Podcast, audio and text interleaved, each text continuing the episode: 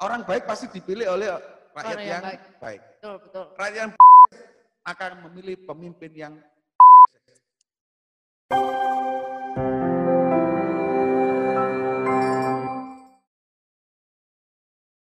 Selamat sore Pak Toto. Selamat sore. Assalamualaikum warahmatullahi wabarakatuh. Waalaikumsalam. Hawanya udah kerasa ya, jadi kayak pengen serius gitu bawahnya. Tapi Pak Toto, saya paham kalau beliaunya ini sangat menyenangkan. Kalau ngomongin Pak Toto itu pasti ngomongin merdeka. Gitu. Oke, kalau yang belum kenal sama Pak Toto nih, boleh diceritain dikit nggak Pak perjalanan karirnya selama entah itu eh, dimulai dari pengawasan atau sebelumnya itu di mana? Itu boleh banget diceritain. Eh, tidak ada yang luar biasa, biasa-biasa saja. Eh, karir saya di negara pemilu ini mulai jadi wartawan. Saya itu latarnya adalah wartawan. Sempat di pers juga Pak, oh Pers. wartawan. Oke, itu di 2000? Tidak ada, saya tidak punya pekerjaan lain selain jadi jurnalis dan penyelenggara. Oke, dari start dari jurnalis nih, terus kemudian kepincut di kepemiluan gimana itu? Ya, karena waktu itu setelah reformasi ini ada perubahan yang cukup luar biasa di dunia pers. Pers tidak lagi, menurut saya sih secara Iya, pribadi, iya. tidak lagi menjadi alat perjuangan yang bisa diandalkan. Oke. Pers mulai bergeser ke era industrialisasi, Oh, sehingga eh, pers tidak lagi menjadi tadi yang saya katakan iya jadi platform ideologisnya menjadi menurut saya pribadi sih nggak jurnalis banget Ah, dengar bahasanya Jadi anak kehilangan ketajamannya gitu ya Pak ya. Jadi dikomersilkan gitu ya. Udah udah sempat ke industrialisasi gitu ke arah Iya. sana gitu. akhirnya mau enggak mau ya harus itu namanya industrialisasi Oh. artinya jurnalis itu menjadi subordinat dari alat produksi Oke, ya betul betul. karena menjadi alat produksi ya sudah menjadi transaksional akhirnya semua menjadi dikapitalisasi menjadi komoditas Padahal dulu itu kalau ngomongin pers, waduh, tiap berita muncul apa itu kayak ini ya eh, bisa berlawanan dengan wanita bentrokan dengan sana sini seperti itu ya Pak ya. nah, pers itu kayak avatar Oh, oh, oke. Mengendalikan apa ini Pak? para nabi para rasul Oh. para orang-orang terpilih itu Oh, iya, oke oke. uh, kayak avatar dia menyampaikan sesuatu hal Oke. yang itu selalu membuat sesuatu yang luar biasa. Artinya dan keberpihakan kata Pulitzer, Mm-mm. Pres itu uh, jurnalis itu selalu berpihak pada yang papa. Papa itu apa Pak? Papa itu lemah, Oh, oke oke. kaum tertindas. Dulunya. Ya. Oh. Dan itu menjadi platform Oh ya, oke. kalau jurnalis tidak berpihak pada yang papa, yang Mm-mm. lemah, maka dia bukan seorang. Betul. Mungkin dia seorang penulis, Tapi- dia bukan Ah, tuh ya di garis besar. Oke Pak, terus kemudian ini, eh, jadi kepemilunya itu gimana ceritanya itu? Jadi penyelenggara atau memang sudah di pengawasan atau gimana? itu dulu? Ya setelah jadi wartawan hampir 20 tahun, lalu saya berpindah profesi jadi penyelenggara. Oh, penyelenggara Karena dulu ya? memang dibutuhkan ada Mm-mm. dibuka eh, penyelenggara itu dari unsur-unsur. Di Mm-mm. pengawasan itu ada unsur pers, ada unsur tokoh Oh. masyarakat, ada unsur akademisi, ada unsur kepolisian, ada unsur kejaksaan. Eh, melanjutkan yang tadi nih Pak. Jadi awalnya dari mana? Dari tahun berapa sudah menjadi panwas ya? Waktu itu masih apa? Gimana ceritanya? Waktu itu masih ad hoc ya panwasnya. Panwas itu masih ad hoc. Panwas pertama tahun 2004 setelah reformasi. ya. Iya. Setelah reformasi ada pemilihan, lalu ada panwasnya panwas yang diambilkan dari unsur-unsur. Sebenarnya ada dulu panwas yang diambilkan dari pemerintah. Oh, perjalanannya itu. Lalu ini panwas yang dari masyarakat yaitu ada lima unsur. iya. Unsur akademisi, Iya. unsur tokoh masyarakat, unsur pers, unsur jaksa, unsur kepolisian. Pak Toto masuknya yang di pers itu. Nah, Ah, Oke. unsur Yang pers. Eh, dari Panwaslu ad hoc ad hoc itu kemudian sekarang di bisa di bawah seluruh provinsi itu gimana ceritanya? Jadi di Panwas Penyelenggara itu mulai pemilihan umum tahun 2004. Empat, nggih. Lalu pemilihan bupati 2005. Lalu pemilihan gubernur 2008. Pemilihan gubernur 2008. 2009 saya masuk Di KPU, KPU. Malang. Oh, oke Dulu oke. juga di Panwas Badan Ad hoc di Kabupaten Malang. Malah. 2009, 2014, 2014 yang seharusnya 2019, Iya. saya 2017 saya masuk di Bawaslu Provinsi. Bawaslu provinsi, kemudian menjadi koordinator divisi. Ya, Waduh. Penyelesaian sengketa. Kalau ngomongin sengketa itu pasti ngomongin masalah hukum ya Pak ya. Itu pasti ngomongin eh, dinamika kepengawasan gitu. Ini yang lagi rame sekarang nih Pak, yang lagi dibahas eh, ada yang di salah satu calon bupati dan wakil bupati sudah terpilih tetapi punya kewarganegaraan ganda itu Pak. Nah, itu gimana kok bisa sampai terjadi? Tapi kalau di Jawa Timur aman ya Pak, yang ada yang gitu ya Pak ya? Ah. Uh, kita coba untuk begini, pemilu itu ada pemilu prosedural, Oke. ada pemilu substantif. Mm-mm. pemilu substantif. Pemilu prosedural itu ada penyelenggaranya, proses administrasinya. Itu di pemilu prosedural. Pemilu substansinya apa? Pemilu substantif itu adalah pemilu yang langsung dipilih oleh rakyat. Ah, Ada tahapan. Iya, iya. Tahapan itu pema- pertama itu proseduralnya. Oke, oke. Itu ada proses administrasi. Anis. Ada nanti ada proses pengawasan, ada proses pelanggaran tidak pidananya, ada pelanggaran administrasi, ada proses perbedaan perspektif antara penyelenggara dengan eh, peserta, antara peserta dengan peserta. Peser- Semua itu diwadah di pintu pertama. Ini pemilu. Oke. Kalau baik, Iya. ah, diharapkan akan menjadi pem- pemimpin terpilih, pemimpin yang baik. Baik. Tapi prosedurnya baik, tapi bagaimana substansinya? Bagaimana pemilu substansi? Artinya karena pemilu itu alat demokrasi, maka substansi pemilu adalah pada one man, Rakyat. one vote, one value. Gitu. One man, one vote, one value itu oke. Jadi satu suara itu punya satu, Satu nilai. Betul sekali. Nah, suara Pak Profesor sama dengan suara. Jadi Jadi semua iya betul. substansi pemilu, Betul, demokrasi. Siapa yang terpilih, dia apa pun bentuknya. Maka kalau mau penjahat jangan dipilih, ya pada proses seleksi administrasinya Nah, di proseduralnya tadi harus dikuati. Ya betul, betul, loh. betul. Karena apa? Misalnya di peraturan kita, kalau narapidana harus berhenti dulu, Ah, harus diumumkan. Nah, ya. Proses warga negara asing tidak boleh, harus dicek dan dicek Nah. aja. Jadi Kalau sini sudah selesai menurut saya pribadi, karena pemilu ada dua kamar, Ah, ah. maka setelah pe- pemilu yang substantif, Mm, yang prosedural maka yang substantif tidak boleh dikalahkan oleh yang prosedural. Nah, oke oke. Karena sudah dia dipilih oleh rakyat, suara rakyat adalah suara Tuhan, Mm. demokrasi adalah suara terbanyak, hatta itu adalah rakyat itu tadi. Oh. Iya, iya, iya. kenapa ya jangan salahkan. Karena Karena di prosedurnya cacat. Karena dia sudah dipilih. Artinya cermin pemimpinnya bagaimana itulah karakter rakyat.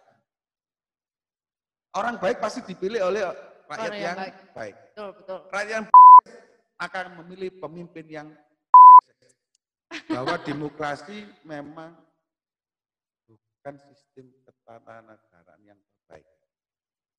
Lalu gimana, Pak? Dia menurut saya memang Iya, iya. terbaik dari yang terburuk.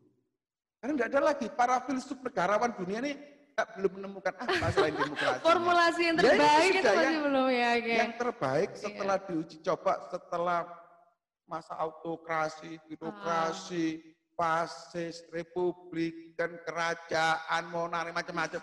Ini yang terbaik. Demokrasi ini ya. Tinggal Maka- penyelenggaraannya Ah. bersih atau tidaknya, atau lancar atau tidaknya gitu ya Pak ya. Oke, Eh mengulik lagi nih. kalau di Jawa Timur sendiri potensi kerawanannya gimana Pak? Eh, apa yang paling menonjol gitu mungkin? Ya, Dari pilkada kita kemarin. anggap rawan aja. Oke, rawan. Yang paling sering pencalonan atau Di proses tahapan apa? pencalonan di Jawa Timur ada proses sengketa. Ah, Oke. Di proses pidana di Jawa Timur juga ada. Oh. Jadi eh, dalam demokrasi itu biasa lah. Oh, Oke. Karena itu perlu ada penyelenggara pemilu, Hmm. perlu ada pengawas. Karena manusia alam sadar, alam bawah sadarnya kan kalau ada kesempatan maka dia akan melakukan sesuatu yang untuk menguntungkan dirinya sendiri dengan segala cara kalau ada kesempatan. Nah, Panwas ini hadir mewakili negara, mewakili rakyat, menutup segala kesempatan dalam kejahatan dan pelanggaran pemilu. Pemilu. Aduh, saya sampai nggak bisa berkata-kata ini sobat awas ya kan. Eh, apalagi yang mau dibahas sekarang? Oke, eh, tadi udah bahas dan menyinggung tentang demokrasi, nih. Nih ngomongin demokrasi, terus nanti arahnya juga ngomongin ideologi. Seorang Bapak Toto gitu kan, waduh, ini kalau bisa dibilang marhenis sekali ya Pak ya. Itu gimana Pak, relevansi antara marhenisme dengan kepemiluan? Penyelenggaranya kah atau sistemnya kah atau bagaimana itu? Ya sangat relevan karena Oke. Marxisme itu kan ketuhanan, sosio-demokrasi, sosio-nasionalis. Artinya demokrasi bagi seorang Marxis itu bagian dari kerangka ideologis yang memang harus ditegakkan.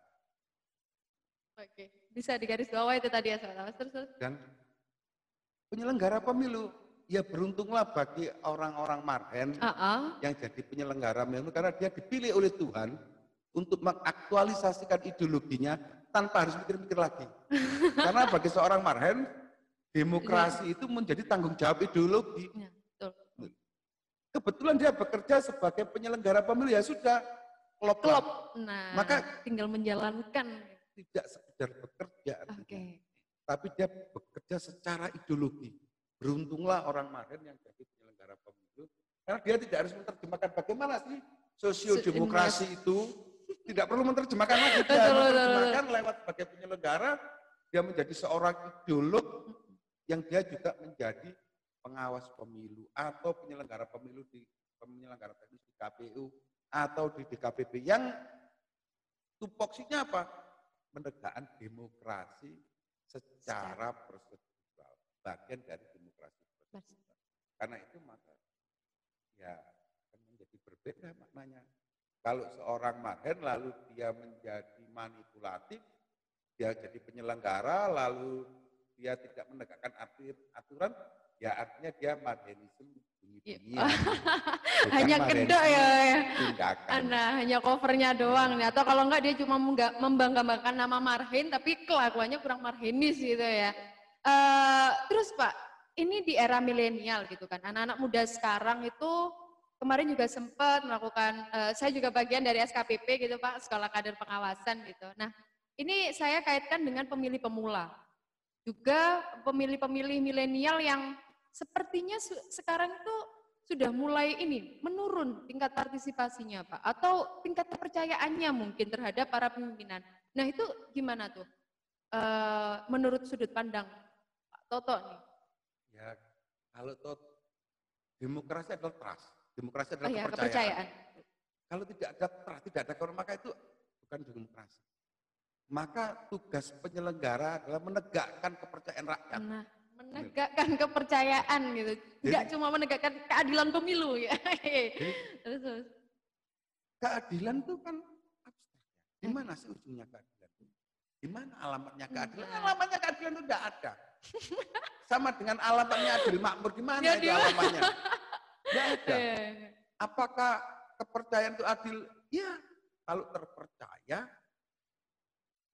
belum Dan tentu itu- berkeadilan. Nah Kalau adil pasti dia pasti terpercaya. terpercaya. Betul. Karena itu maka sepanjang manusia hidup maka keadilan itu akan selalu ditegakkan lewat beberapa parameter dan sudut-sudutnya. Jadi karena keadilan itu utuh, holistik, Nah, maka kepercayaan demokrasi bagian dari mencapai proses keadilan. keadilan itu juga seimbang ya Pak ya, nggak berat sebelah atau ini gitu. Keadilan itu utuh, Utuh. sama Keadilan dengan utuh. kemakmuran utuh, tidak ada tepinya. Tepinya kapan? kalau orang itu mati. Karena begitu dia mati, dia nggak Iya. bisa lagi mencari keadilan. Ah, Dia tidak bisa lagi melaksanakan kemakmuran. Maka sepanjang manusia hidup, keadilan, kemakmuran itu harus diperjuangkan terus menerus. Tidak akan pernah berhenti. Dan sejarah kehidupan kemanusiaan adalah sejarah untuk mencari kemakmuran, mencapai keadilan. Keadilan. Oke. Eh, sekali lagi nih Pak, gimana sih tips and trik atau cara meningkatkan rasa marhennya anak-anak muda gitu atau yang baru kenal dan kemudian tertarik untuk bergabung di dalamnya bukan bergabung atau meyakini ideologi itu bahwa itu memang baik dan bagus gitu atau benar untuk dilakukan itu gimana Pak? Menurut saya marhen itu kan marhen itu kan given ya. Wah, Itu nilai, itu nilai. Nilai yang sudah ada di masyarakat. nah, betul, betul. Sama dengan Pancasila itu nilai. Oh, oke. Jadi Pancasila itu diletakkan di mana pun pasti akan compatible. Nah, Pas, cocok. presisi. Ya. Mau kamu bertuhan, beragama Maaf. apa pun, karena kalau beragama pasti bertuhan. Hmm. Tapi orang bertuhan belum tentu ber, beragama, Agama. kan ada anak agnotisme. Iya, iya. iya. Tapi Pancasila ini mem- memayungi semuanya. Kan itu ada nilai ketuhanan itu given sudah fitrah. Jadi tidak bisa jodel Keberadaban, keadilan, persatuan, musyawarah, itu juga nilai yang ada sama dengan sosio demokrasi, sosio nasionalisme. Karena itu Pancasila itu kalau diure ya ada marhenismenya. Marhenisme keluar ya pada Pancasilanya. Nah, Karena itu nilai yang hidup pada masyarakat. Yang kebetulan digali oleh Bung Karno. Dan nilai itu di semua agama pasti ada. Ya. Karena ini nilai, tidak bisa dipertentangkan. Kalau ada bilang, Pancasila bertentangan dengan agama. Mana yang bertentangan? Wong itu nilai. betul, betul, Jadi betul. Pancasila adalah ideologi negara. Artinya apa?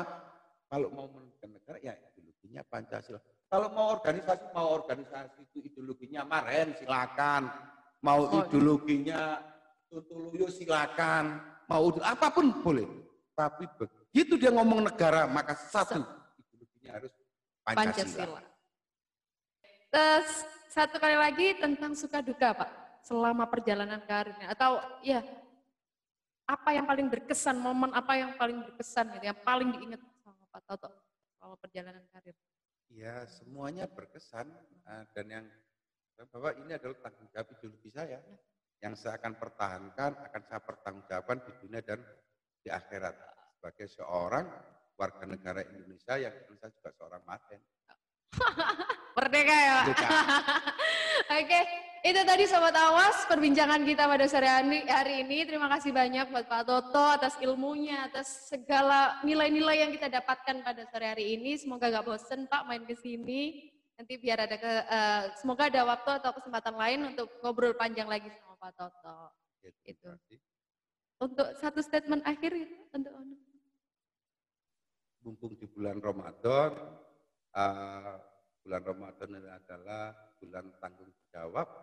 Ah, mari kita bertanggung jawab melaksanakan beribadah di bulan Ramadan ini sebagai tanggung jawab kemanusiaan kita. Assalamualaikum warahmatullahi wabarakatuh. Waalaikumsalam warahmatullahi wabarakatuh. Sekali Pak, merdeka Pak. Merdeka. Eh, Bareng-bareng Oh, Pak. Satu, dua, tiga. Merdeka. Merdeka!